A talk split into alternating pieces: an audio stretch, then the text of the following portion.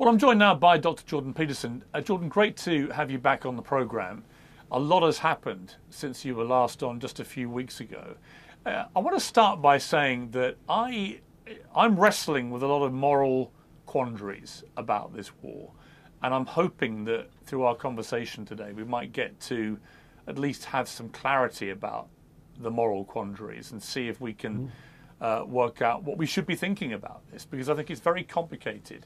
Um, and it's got to be nuanced, this conversation. D- do you feel any moral quandaries about it? Well, I don't think you can have a war without moral quandary. I mean, a war is the consequence of an unsolvable moral quandary. And so it's not surprising that the conversation surrounding the war is full of moral quandaries because if, if it was straightforward and simple, and if there was an easy path forward, then there wouldn't be a war. And so, I mean, I'm, I can tell you what I think is going on to the degree that you can reduce it to something quickly explicable. You know, I think Iran is desperate because of the tenuous hold on power that the mullahs now have in Iran, given their own citizens' rebellion. I think they see the Abraham Accords, which were the most significant step forward towards peace in the Middle East for like 75 years. They see the Abraham Accords as an existential threat. This is a last ditch attempt by the Iranian mullahs to use the Islam against Jews story to prop up their own dismal reign. And so they rattled the chain of their Hamas puppets and said, provoke, and they did. And their hope is that the Israeli response will be so overwhelming that the Arab world turns against them, and maybe even the people who might be inclined to you know, be swayed by a victim narrative in the West, and that the Abraham Accords will fall apart, and, and that'll be the end of that. And that could happen. And I'm hoping it won't, because I think the Abraham Accords were, you know, and it, it's irritating to me for whatever you, you know, utility that is, is that I think I know, insofar as you can know such things, that Saudi Arabia would have signed the Abraham Accords two years ago if Biden would have moved a little bit more forthrightly on it. And I think the reason that he didn't and the Democrats didn't was because they didn't want to give Trump any credit for anything that he had attained in his administration. And I think all of that is appalling. And, you know, I see this story of Muslim against Jew being put forward in this propagandistic manner. And I think, well, the Muslim world has to make a choice too, because it doesn't look to me like their proper champions are is the government in Iran, you know, and and and, and it's not like the Saudis don't have their flaws, and perhaps the rest of the Arab governmental structures, but the the Islam world should move in the direction of the Abraham Accords. That would be great for everyone. We could have a real peace. We could have something approximating a union of the Abrahamic people, and I think the accord was named extraordinarily well. Or we could have what we've had for the last 75 years with the Palestinians as perpetual cannon fodder, you know, at the beck and call of those for whom having them be cannon fodder is useful. And so, yeah, well, there's just moral quandaries everywhere there. It's a minefield, but that's what I think is the, the fundamental reality of the current situation. It's a propaganda war, and there's a lot at stake. On October the 7th, Hamas obviously committed a, a terror attack of appalling magnitude. Where were you when you first heard about it, and what was your instant feeling about it? Well, my instant feeling was to be sickened by it, you know, and it hasn't been that long since I was in Jerusalem, and so it was a little closer to me than it might have otherwise been. Um, I'm also more sensitive to any signs of anti Semitic catastrophe from studying the Holocaust for the length of time that I did. And I've always regarded Jews as the canary in the coal mine. And I think the reason that the Jews are the canary in the coal mine is because they're a successful minority. You know, and if a, if a culture can tolerate a successful minority, it's pretty damn robust and it's not very resentful. And as soon as a culture starts to get resentful, the Jews make an easy target because they're a minority, and so that's an easy target to begin with. But then they're the minority that has the temerity to be successful. And that really brings the resentful out of the rat holes. And I've seen a rise in anti Semitism online over the last three years that's just stunning to behold, on the right and on the left, but jointly. And then, well, so I was sickened by it, but then I was also immediately suspicious of Iran's role. And I mean, that doesn't require any particular perspicacity on my part. I think it's quite obvious, but, but I, that also opens up the, the rat's nest of, of the maneuvering, the political maneuvering around the Abraham Accords. Because, you know, I was very ill when the Abraham Accords were signed, and I couldn't or hadn't paid much attention. And when I sort of recovered my ability to see again, I saw that this remarkable peace process had taken place, and I could not understand for the life of me why it wasn't trumpeted on the front page of every newspaper across the world. And I also think that Trump's team should have got a Nobel Peace Prize for it. I, I cannot see how you can possibly make a counterargument to that for all of Trump's flaws and for his administration's flaws. This was a major accomplishment. And yet, and I know the Saudis were behind it. You know, they didn't sign it, but it wouldn't have gone forward without their nod and wink. And I know, I believe, that if Biden would have taken the opportunity and been a bit magnanimous in his response to Trump, which he could have been, instead of thinking of him as Satan himself, that he could have enticed the Saudis into a peace accord. And we wouldn't be in this damn situation now. And now we're playing it out the hard way, you know, because the Iranians could win the propaganda war. And they've got, God only knows how many agents they have in the West, you know, promoting the kind of social upheaval that we've seen on the streets in the last few weeks. And so the narrative could go either way. But I'm rooting hard for the, for the Abraham Accords signees, and I hope they have the courage of their convictions, and I hope they can see that their way forward is the most appropriate way forward for the good of the Muslim world. Or what, are we going to stay in some 14th century conflict between the fundamentalist Muslim world and the, and the Jews? Jesus, that sounds, you know, we've had enough of that, haven't we? You'd think. I asked Ben Shapiro, what, what is a proportionate response to what happened on October Oh, 7th? yeah. And he said there isn't one, that there is Yeah. no proportionate response, and there shouldn't be. Uh, I mean, that in itself, you know, I asked Vivek Ramaswamy uh, when I interviewed him at the weekend the same question, and he was basically inferring the same, but he also said that, um, you know, he would happily put the heads of 100 Hamas leaders on stakes along the border as a message to people uh, not to commit this act. I thought that was a, a sort of medieval barbaric response to medi- medieval barbarism, and that eye for an eye, tooth for a tooth is not the solution. I also believe that Israel has a fundamental right not just to defend itself after what happened, but has a duty to protect its people, and it has to take that duty obviously very seriously. But if your if your mission statement, as they've made clear, is to eliminate Hamas completely, and Hamas live in the in Gaza surrounded by civilians, among civilians, you can only do that. You can only get rid of Hamas with massive civilian casualties, mm-hmm. and that's mm-hmm. where I have this moral quandary about mm-hmm. how much is too much. Well, d- does Israel get a license to do whatever it wants to eliminate Hamas, or should there be a limit? And if so, what is that limit? Well, I don't think Israel will have a license to do whatever it wants because what will happen inevitably, and I, I think if I was an Iranian propagandist, I would be counting on this.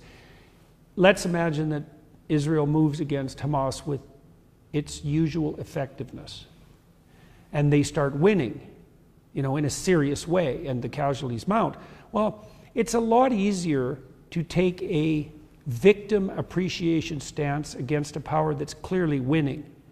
So Israel can't win without accruing losses along the way, because the more they manifest their military superiority, the easier it's going to be for those who cast the Palestinians as victims to hold, to gain the moral upper hand.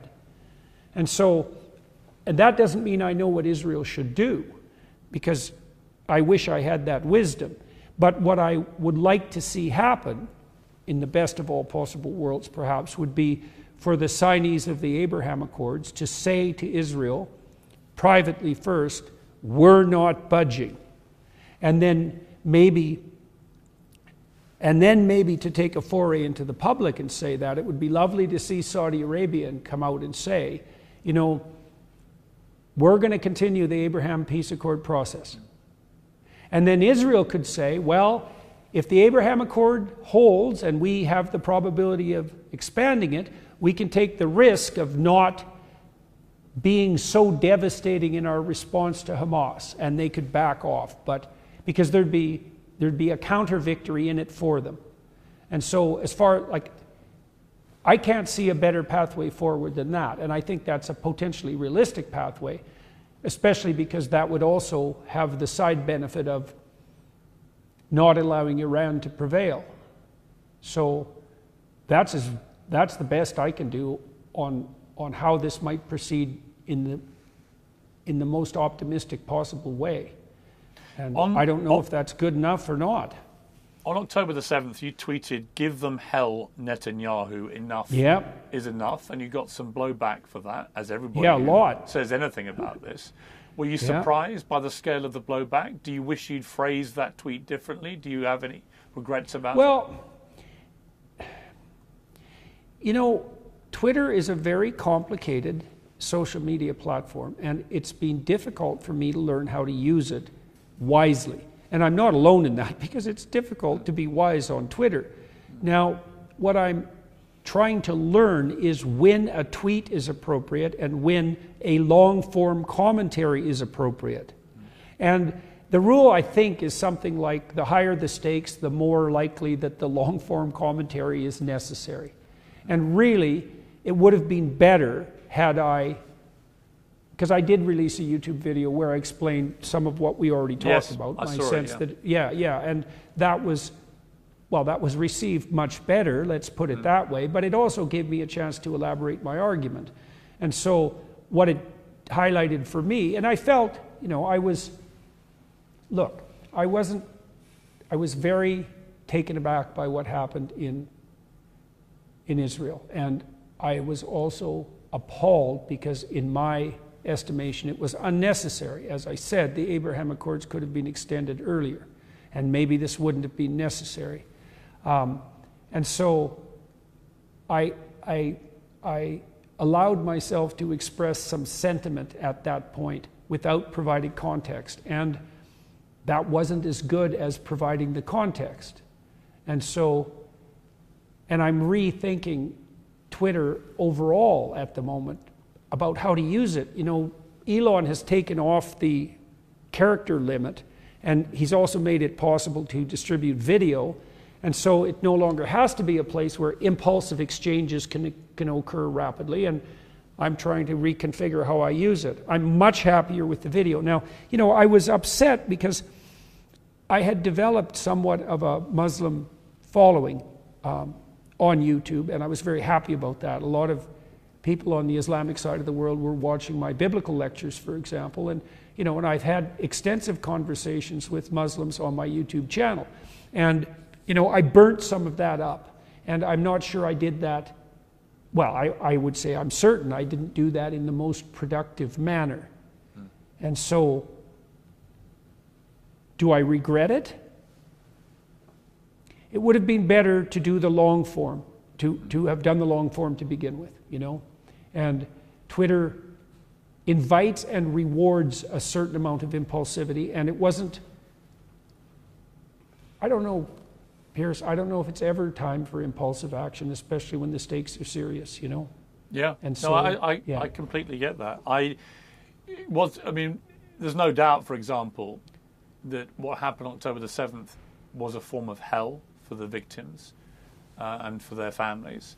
Um, there's also no doubt that for many living in Gaza, for many innocent Palestinians, as we know, of the two million or so uh, residents and citizens there, they, uh, I think it's more than half are of child age, mm-hmm. and many are very young children, and many children are getting killed.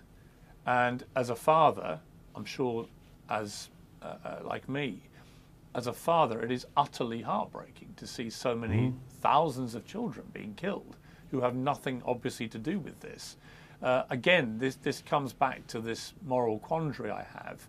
Um, you know, it's interesting when you said enough is enough in that tweet.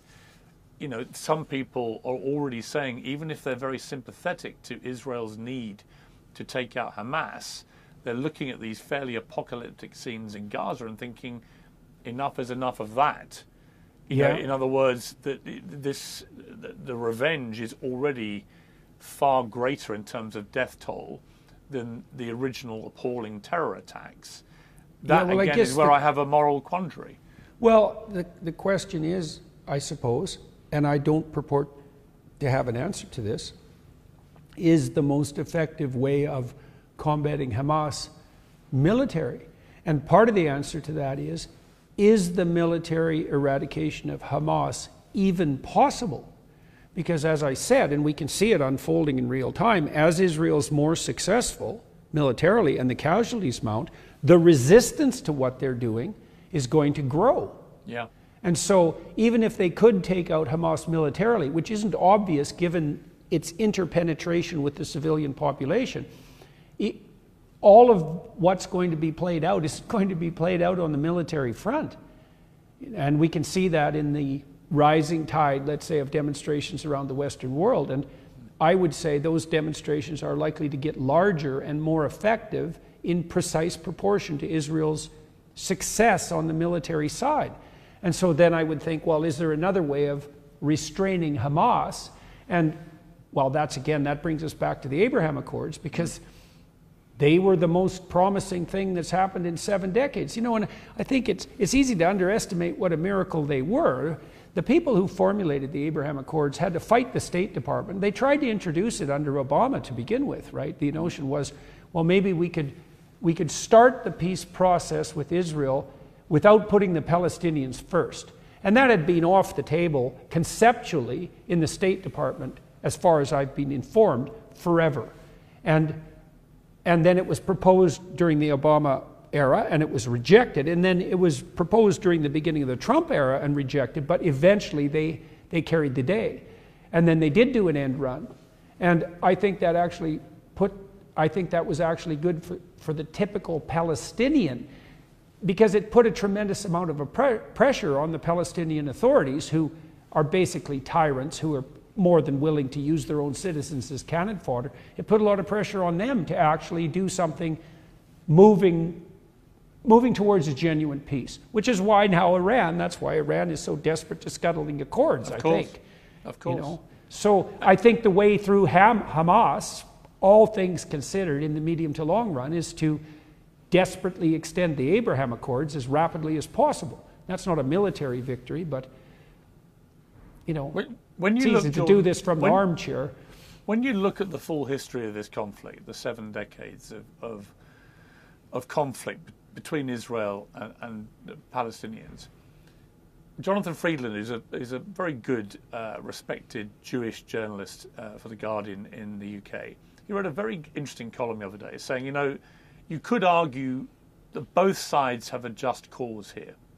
And he said that as a leading Jewish commentator, that historically both sides have a just cause, and that it's important to remember that. And that's why passions run so high. It's why people care so much. And it's why racing to take sides uh, is a mistake in this conflict. What do you think of that? Well, I think that, you know, if there wasn't a lot to be said on both sides, then the conflict wouldn't drag on forever and be unresolvable. Know, I think at some point you do something like cut the Gordian knot, which I do think to some degree the Abraham Accords had begun to do. Mm-hmm. You know, I think it's, I don't think Israel's going away, but I don't think the Palesti- Palis- Palestine isn't going away either. Mm-hmm. And so those things have to be accepted. I, it looks to me like they have to be accepted as on the ground realities. Now, the, the problem I've seen continually, I don't know, is that it's been convenient to use the Palestinians as an irritant to Israel in the West. And so the Palestinians have been held hostage. You know, the people who portray them as innocent victims presume that the Palestinians have been held hostage by the Jews, let's say. But I would say the Palestinians have been held hostage even more effectively by their own leadership and by those who are perfectly will, willing to use them as the front man, the expendable front man to irritate Israel in the West. Well, you can't get peace under those circumstances. You know, and so Palestine is a reality that isn't going to go away, and Israel's a reality that isn't going to go away. And the Abraham Accords started to recognize that, and there was move in the right direction. And if that falls apart, we're going to be back to where we were yeah. 15 I mean, years the, ago, except worse. The, the, interesting moment for me came when Israel turned off the power and the water. Um, they just were able to do that to 2 million people in Gaza. They could turn off the internet. And it struck me that that was a very vivid reminder that Israel effectively controls Gaza. It doesn't do so politically, but it does in reality. And that for many young people in Gaza, they know this and they do feel that they've been living in a perpetual prison camp where their movement is controlled, where their access to basic things like water and energy and so on is controlled, uh, and that in, until they get the freedom that they crave, this can never get resolved. Well, but I also you know, understand on the other side that the Israelis feel, how can we give freedom to a place that is run by a terror group who are literally committed to the eradication of not only Israel but all Jewish people? Well, you laid out you laid out what are the two sets of valid counterclaims. I mean, there's another complicating factor too. You know, you, you said that you you know your moral back is up because of the continual toll in civilians in Palestine, especially among people who, let's say, weren't even born when they first came to power. Mm. And so it's very difficult to look at that and see it as anything but unjust. But then it begs a whole other set of questions, too, doesn't it? It's like, well, if your government is a totalitarian band of armed criminal thugs, what responsibility do you bear for that as, as the subjected people? And, uh, you know, it's not like I know the answer to that. But, you know, I see in my own country, in Canada, that things are slipping and sliding in all sorts of pathological directions, and people are letting it happen. And if you let that happen long enough, well, things get very, very bad. And they have got very, very bad in Palestine. And the answer to whatever tyranny Israel might be exerting over the Palestinians isn't for the Palestinians to exert even more tyranny over themselves, especially not in concert with a third party like Iran, who's perfectly willing to sacrifice them at any point. And so now, and then that question emerges well, what responsibility do the Palestinians bear? Well, then I think we start to touch on more metaphysical issues. It's like, well, the Palestinians, like all people, bear the responsibility to live in truth and to stand up to tyranny in their, in their deeds, their attention and their deeds and their actions. Because if you don't, you pay for that, and so do your children, right? And then so do your grandchildren, and so do your great grandchildren. And you know, there seems to be something unjust in that, in that why did the children suffer? And the biblical answer to that has always been, well, the children suffer for the sins of their forefathers. And you might think, well, it's pretty unfair that the world is set up that way. It's like, hey, it might be unfair, but it is set up that way, and it does beg the question what responsibility do the people who are living under the thumb of totalitarians have for the fact that they're living under the thumb of totalitarians? And the answer isn't none. So, this is why I'm a psychologist, not a politician. I no, no, but because, it's no, but know, I, I, think I think it's a, I think it's a really interesting question. It's also an interesting question why why won't Arab states around Gaza take in Palestinian refugees? I mean, these are legitimate right. questions. Right. Well, there's a lot of there's a lot of chain and saber rattling about how tyrannical Israel is, and of course, they're held to a very higher moral standard. But you know, the prison that is Palestine has walls on sides that aren't Israeli. So, and that no one is certainly not the progressives will never talk about that, and that's partly because you know all the oppressed people are equally morally virtuous. And so the fact that the Arabs won't take in the Palestinians, you can't even bring that up because course, the Arabs themselves are victims of Western colonialism, which is, you know, one of the most absurd propositions ever set forth by anyone about anything. But, you know, here we are. And it is quite a miracle in some ways that, that the, the multidimensional fact of Palestinian enslavement isn't discussed in a much more forthright manner. There's many people are building the walls that, that make Palestine into whatever prison it is. And perhaps the Israelis are playing their role, but they're by no means the only actors. Let's talk about the response of progressives, and in particular, what's happening on student campuses, mm-hmm. particularly in America. You know, I've been struck by, by two things. One, the horrifying immediate response, not just in America, but when you saw mobs in Sydney, Australia, chanting Gas the Jews, when you saw huge protests by the Israeli embassy in Kensington and West London, near where I live, um, all celebrating. This is all within hours of what happened on October the 7th. You saw similar scenes in America. Um, so the gut reaction of many young people appeared to be to be celebrating what had happened, and you even had some. There was a Cornell uh, professor who you know was heard in public saying how exhilarated he was mm-hmm, by what happened, mm-hmm. And still hasn't been fired. Um, and these mm-hmm. are people who've driven this cancel culture for many years now, where if you use the wrong pronoun, they want you eradicated, fired, shamed, abused, and so on. Um, but here, if you celebrate the actions of a terrorist organization in killing 1,500 people, you actually don't lose your job. Students mm-hmm. who beamed pro Hamas rhetoric onto the building at George Washington University, they haven't lost their places at that university. Mm-hmm. So even for the most heinous possible thing that you could do which might warrant cancellation, the people who've driven cancel culture spare themselves. Well, this shows you how shallow the oppressor, oppress, oppression, oppressor narrative really is. Oppressed oppressor narrative really is. You know, George Orwell famously said that the typical middle class socialist didn't love the poor, they just hated the rich.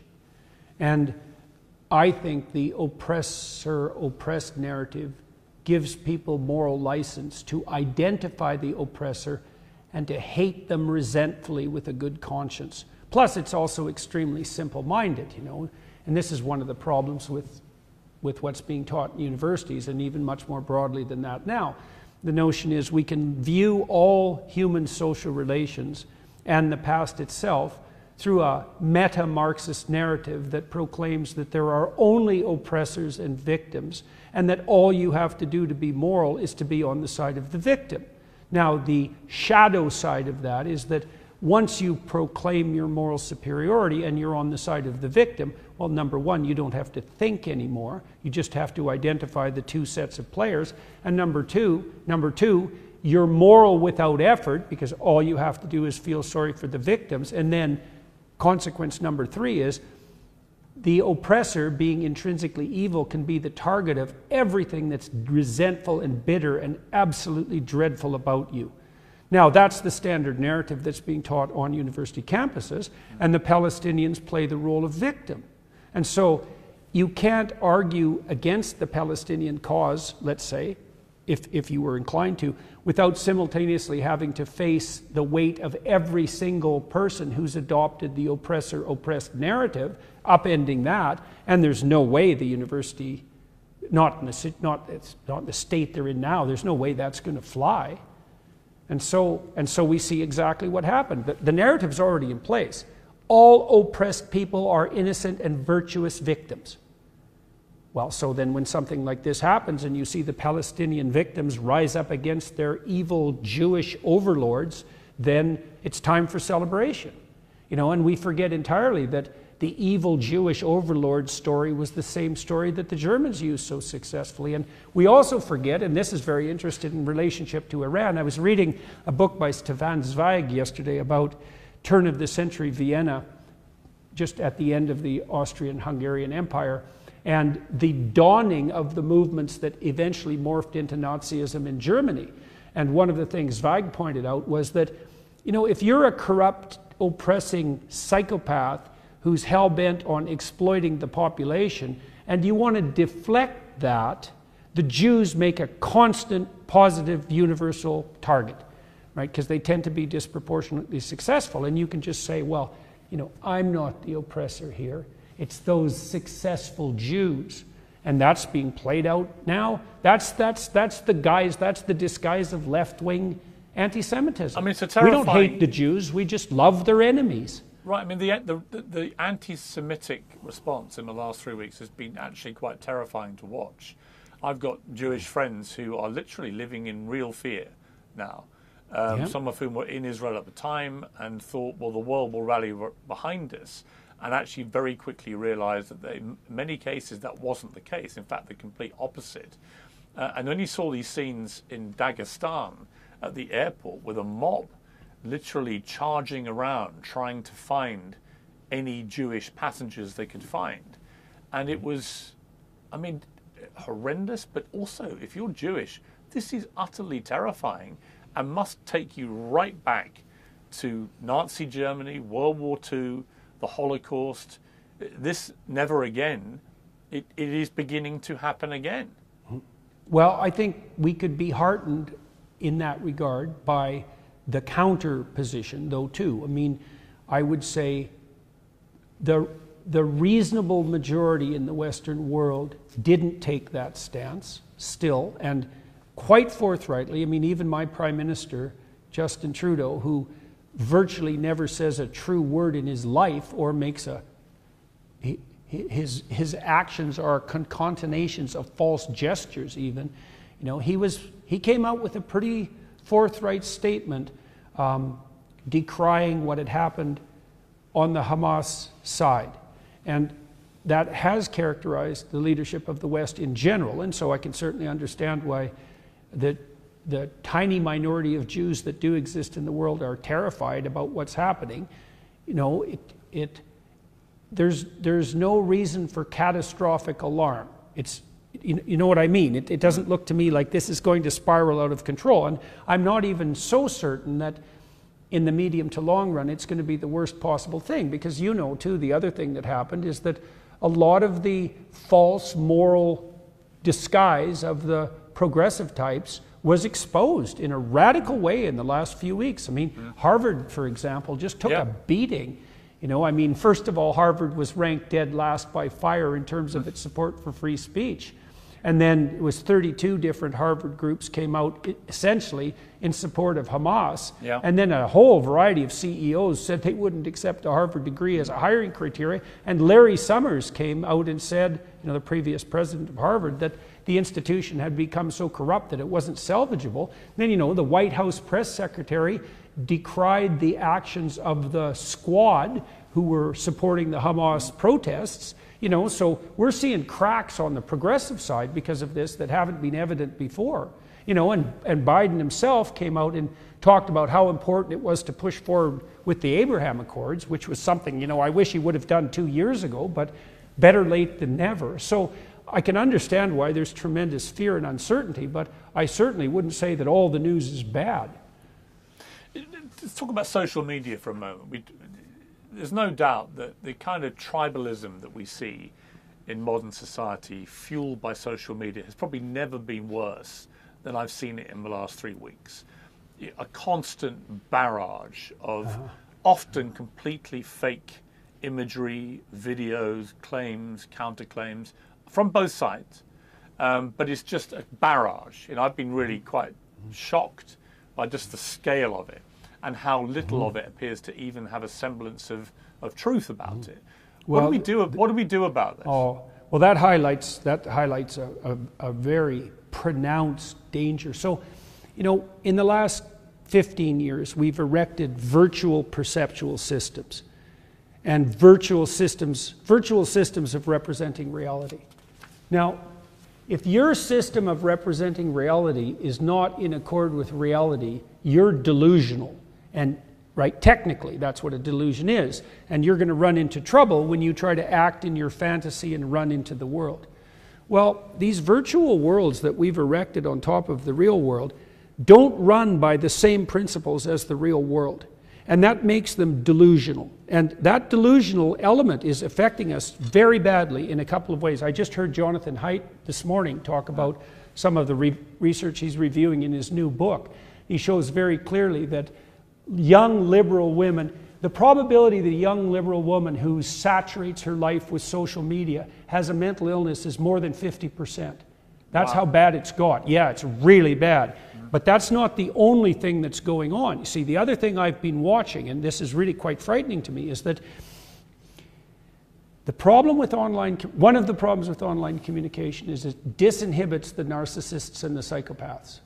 And the reason for that is that they can circumvent the normal control systems that obtain in face-to-face interaction. Yes. You know, and in face-to-face interaction, there's things you will not say or do because you will be held responsible, and maybe immediately you can say whatever the hell you want online and you can get away with it too and maybe even be rewarded for it and so we have so you just think about the amount of criminality and quasi criminality online 35% of internet traffic is pornographic and it isn't nice guys that are running that Let's put it that way.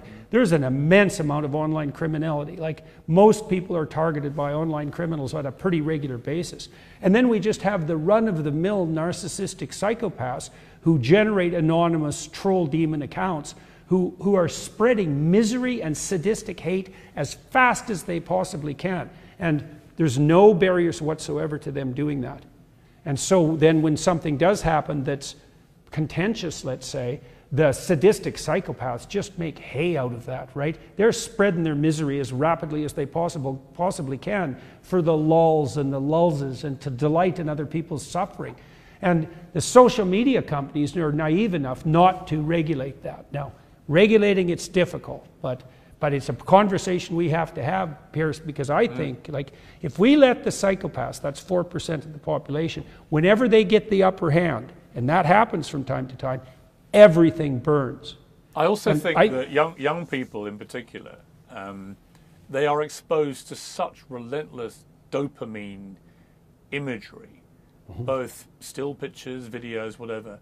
Um, and in particular, the last three weeks, if you're a young person with an impressionable mind, and you're getting bombarded with some of the worst imagery imaginable, you know, babies dead, um, limbless, and so on. If you're getting that on your feed all day long, which I'm seeing on mine, so they must be, it can only have an incredibly damaging effect to, to a, I think, a young generation already ripped with anxiety, ripped with problems about how to deal with the real world. And I think a lot of it is they're just seeing so much bad stuff all the time on social media, which when I was young, you just couldn't see it. You would not be mm-hmm. able to mm-hmm. access this kind of thing. Mm-hmm. You were protected in a way, yeah, from well, the reality of things like warfare um, and protected from this kind of imagery. Yeah, well, again, it's, it's a problem of technological revolution because this new sensory system that we've produced, this new system of perception, it's a fire hose, first of all, that's impossible to govern. You can never get on top of it. It's, it's infinite in its scope. Yeah. And then it allows the pathological and the terrible to spread as rapidly as the beneficial and the good. And so it is overwhelming. It's not just kids that have a hard time with that. I mean, it's just these technologies, well, what do we expect? They're insanely powerful and remarkable. But they carry with it the, well, they carry with it all of the implications of that insane power on the pathological side. And we don't exactly know how to deal with it. We don't know how to regulate. We haven't evolved the social norms even that regulate online conduct. You know, I mean, when I block people on Twitter, let's say I have qualms about it. You know, well, I'm in favor of free speech. Mm-hmm. Do I block trolls online? And when exactly do I block them? You know, I've got more direct about that. I have a couple of rules. You know, if you're anonymous, if you're anonymous and you're annoying, it's like yeah. you're done as far as I'm concerned. But but that's just the beginnings of the evolution of anything approximating but aren't social you just norms. saying? I mean, I've, I've wrestled with that because I've blocked, I think, eleven thousand people or whatever it is. I can't remember what the latest tally is. Um, I go on little block spurges sometimes, but to me, there's no contradiction between uh, believing passionately in free speech, but also allowing yourself not to have to listen to it. You don't have to listen to what people are saying to you. Well- you, you, ha- you have the right in a, in a free democratic society to say, look, you're entitled to say whatever you want, but I don't actually have to listen to it. That's not, you're not preventing them from exercising their right to free speech. You're just saying, I don't want to hear it. well, Um, that's sorry. why that's why we have walls. Like that that's a good example of the difference between the virtual world and the real world. I mean, Right. you have a house and it has walls and a door. And the reason for that is you don't want a random stranger to come in and just yell things at you whenever. Right. You know, and so what are the walls and the doors on social media? Well, we have no idea because we thought, well, we'll democratize the public square. Okay, so what does that mean? It means that any narcissistic psychopath anywhere can say whatever they want to you and everyone you know. Well, you know, that's just not going to work. It's not going to work. There's always been criminals and quasi criminals and troublemakers, and we have some mechanisms of regulation in the actual world and virtually no mechanisms of regulation whatsoever on the in the virtual world. And so, yeah, it's a, it's a tremendous problem. And it, it is also making it more and more difficult for us to distinguish what's real from what's not real because you don't know when you're being played for a what would you call masochistic fool by a sadistic psychopath? And the answer to that is often, often, Yeah. you know, frighteningly often. And so my sense, like I've, I've proposed this before, is like I don't, I think social media um, enterprises above a certain size should separate people with verified identities, verified by their site, not with some universal digital ID, separate them from the anonymous types. Mm. Like if the anonymous types want to post, no problem, but they shouldn't get to post with the actual human beings because there's no responsibility, you know. And then you say, well, you know, maybe I'm a whistleblower and I'm, I'm standing for truth and I don't want to bear an undue responsibility for telling truth to power. It's like my sense online is for every one whistleblower who's genuine, who's anonymous, there's 999 anonymous troll Yes. demons who are sadistic, right? Yeah. That's not a good ratio. You interviewed uh, Bibi Netanyahu quite recently, actually, a few months ago. Um, a lot of pressure on him internally, a lot of criticism. Uh, Hamas released a video uh, on Monday of some of the hostages attacking uh, Netanyahu's administration for, for not having a ceasefire and so on. That was clear propaganda. But it also reflects what a lot of people in Israel feel about Netanyahu and the catastrophic failure of security and defense on October the 7th. He's resolutely refused to accept any responsibility or to apologize for that. Do you think he should?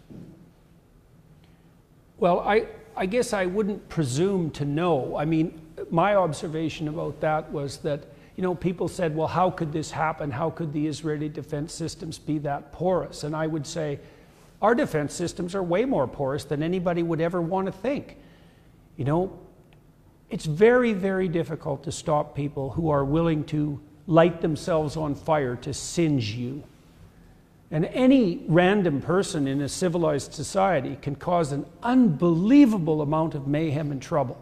And in order to forestall that possibility completely, which would be impossible in any case, we'd have to move towards a surveillance state like China, where we're being monitored 100% of the time, and then the bloody cure would be worse than the disease.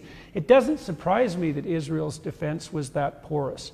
I don't think it I don't think it cannot be in a society that's still vaguely free. And even if you lock people down, Jesus, you can still cause a lot of trouble if you're hell bent on doing it. So, does Net, should Netanyahu apologize for the failures of the Israeli defense system in relationship to the Hamas attack? I don't know enough to say. It isn't obvious to me that it failed any worse than you should expect a system like that to fail when it's faced by psychopathic terrorists who are being funded by outside sources who want to do nothing else but cause misery and mayhem. So I interviewed Netanyahu partly because I wanted to talk to him because I was curious and I was also an admirer of his economic reforms, the economic reforms that I think did raise Israel to this position of, of pronounced economic power and entrepreneurial capacity that they now possess, which also made them a more attractive partner during the Abraham Accords because the Israelis had the possibility of offering to the Arabs the sharing of their technology and their entrepreneurial and managerial prowess. They had something to offer along with their you know, military strength. So I thought that was all to the good. I don't know enough about Netanyahu and about the intricacies of Israel politics. God, it's hard enough keeping track of my own country, you know, to, right. to dare to, to say anything more than that. I'm glad I'm not in his shoes. How about that? That's, you know, I can't imagine there's anything about that that's, that's anything other than abysmally difficult nonstop. So. Let's turn, Jordan, to the ARC conference. It's why you're in London and I'm actually in Los Angeles at the moment. Um, the Alliance for Responsible Citizenship. This is your brainchild. A huge event, a lot of very interesting speakers from all around the world. Um, you've made it clear it's it's driven by uh, a, a, desire to be motivational rather than political. Explain that. Well, I, I've traveled all over the world and met hundreds of thousands of people um, in various ways and listened to them and watched them and sampled public sentiment to the degree I was capable. And that was overwhelming, as we've discussed before. I had no idea, really, like I had a clinical practice, and I was pretty damn familiar with a reasonable swath of the scope of human misery, but I didn't understand how widespread the sense of demoralization had become, especially among young people. And, and, and I got a real taste of that. And um, I'm tired of the zero sum apocalyptic fear mongering story. I don't buy it. I don't think any bit of it is useful. I think it's extremely convenient who want to use the crisis to accrue power to themselves. And I think that the leader who motivates with fear is a tyrant. And the leader might say, Well, there's something to be afraid of. And I would say, Yeah, there's always something to be afraid of. You know, does the apocalypse lurk in the future? It's like, yes, that's always been the case. So, what's ARC's premises? Well, there's two. One is you have a moral obligation to be optimistic about the future. That, that's, that's a strange statement, right? And it's actually a statement of faith because I would say, just as you have an obligation to be courageous about the challenges that confront you in the present, and, and just as that's the best way of dealing with those challenges, your default attitude towards the future should be bring it on, we can handle it. And I would also say that if that is your default at- attitude, you're much more likely to be successful in your dealings with the future. And one of the things I've learned about classic religious or metaphysical faith is that a tremendous proportion of that is the faith that is courage.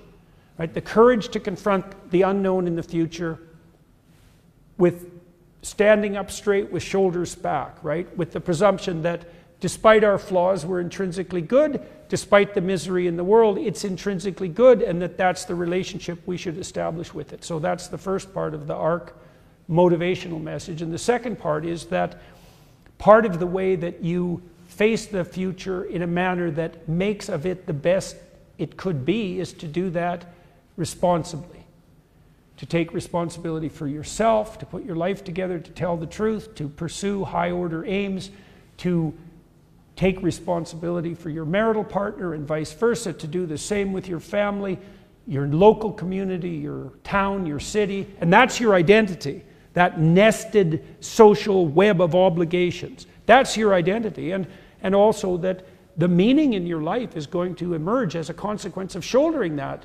responsibility the meaning and the adventure in your life. And so confront the future with faith and courage and accept the responsibility that's commensurate with that. And that's the way you set the world straight. And that's not a political solution. That's a spiritual solution or a psychological solution. Now, it has political ramifications, but we're much more interested at ARC and at the ARC conference with the, with the underlying substrate, the substrate about which the culture war is really raging right? About the, the ultimate nature of reality in some, in some way and, and how, you, uh, how you construe that. I think to some degree you have to construe it as a matter of faith, eh? because we're all ignorant and limited in our knowledge, and so we have to make first pass approximations at what we're going to presume to be true. And so, one set of presumptions is open your eyes, confront what frightens you, move forward stalwartly, aim up, tell the truth.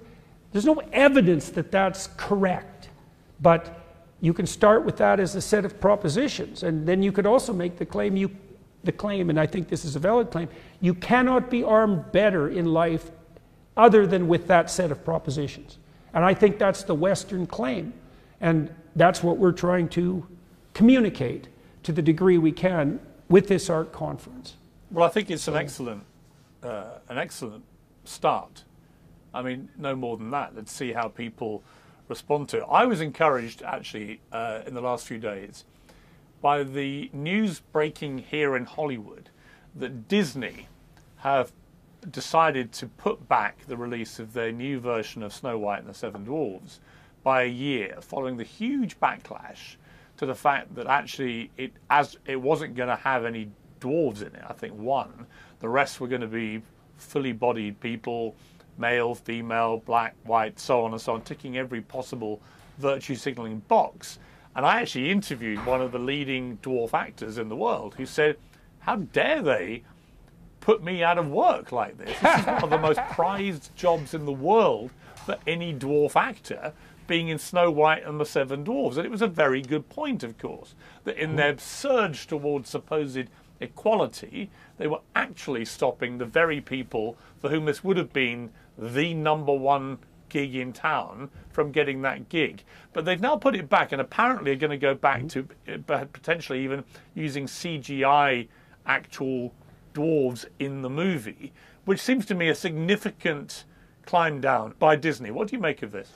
Well, I think it's actually it's perversely analogous to the case that we're trying to make at ARC. So there is an underlying metaphysical or narrative reality. And you can warp and bend that with an ideology, but the ideology doesn't map well onto the underlying reality. And so that, that's, and, and so how would that play out in the case of Snow White and the Seven Dwarfs? Well, that's a very old story. And some, some folk tales, we have anthropological evidence that some folk tales can be up to 10, 15,000 years old, extremely old. Well, there's a reason that they lay themselves out the way they do. It's, it's, the, it's the logic of the narrative world. So I can give an example with Snow White. Well, why is Snow White surrounded by dwarfs when she reaches the peak of her beauty? Why is she surrounded by dwarfs? Why do they have to be dwarfs?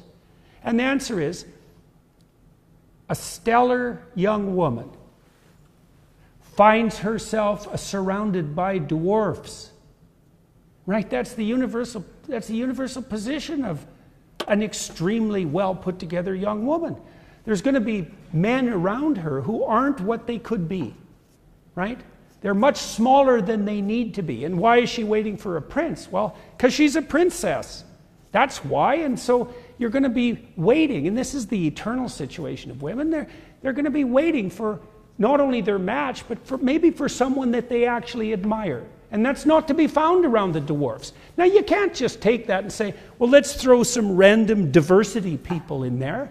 It's like the story has a coherence, and the coherence transcends easy understanding. You know, it wouldn't have that magical, mythical element that fairy tales have if, if the narrative didn't transcend the understanding. One of the things we're trying to do with ARC is to remind people that our civilization exists in a metaphysic, in a story right? It's a divine story, and that the divine story has its reasons, the reasons that transcend reason. It's, it's where Carl Jung, the, the famous psychoanalyst, he, he, his notion of the way the world worked, in, in, in, to simplify it to some degree, is there are things that are absolutely beyond our comprehension. And then there are things that we understand explicitly and in detail. But there's a border between them. So, so imagine there's not a cutoff line, so you go from things you understand completely to things you understand not at all. The border is the land of the dream, the land of the story, the land of the fantasy, the land of myth. It's half unknown and mysterious, like the lands in The Lord of the Rings, and it's half explicit and understandable. And it's the place that, that the unknown moves through before it becomes explicit. Our Western philosophical tradition, with its reliance on rights, let's say, and its insistence upon the dignity of each individual, exists within a dreamlike metaphysic. And that is the Judeo Christian story. Now, we don't know what to make of that rationally, but it fills a gap. That, and if you tear it out or, or transform it into an ideology, all that happens is half formed pathological fantasies take its place. And that's what's happening. Everyone sees this, you know, and Nietzsche predicted it in the late 1870s, thereabouts, you know. God will die and the realm of ideology will rise up to take its place. And if you think that Christianity or, or Judaism was superstitious and insane, it's like, just wait till you see what replaces it. and so that's, well, exact, that's exactly what we're seeing. And it's happening very, very rapidly. And everyone has that sense. This ARC conference, the press coverage has actually been quite interesting because even on the left wing side, I wouldn't say it's been laudatory on the left wing side, but it's been, it's been pretty even handed and neutral, which is quite remarkable. And the reason for that, I think, Piers, is that people are so tired of the endless diet of nihilistic apocalypse yeah. that even those who don't, can't see their way out of it rationally hope that something else could be provided as an alternative. Dr. Jordan Peterson, uh, what a fascinating hour. Thank you very much indeed for joining me, and best of luck with the, the conference. I think it's a great idea. It's a great thing to get people with good ideas together, even if they're bad ideas, actually, just debate ideas um, and to have a positive theme of how we can make things better, not worse. Uh, get away from nihilism, get the opposite of nihilism into the ideology of the world would be a great starting block. So I thank you very much indeed. My pleasure. Yeah, well, it's good to know that it might be courage that's the opposite of nihilism. Yes, absolutely. Yeah. yeah. Thank you very much. Hey, thank you. It's always a pleasure to talk to you, Piers.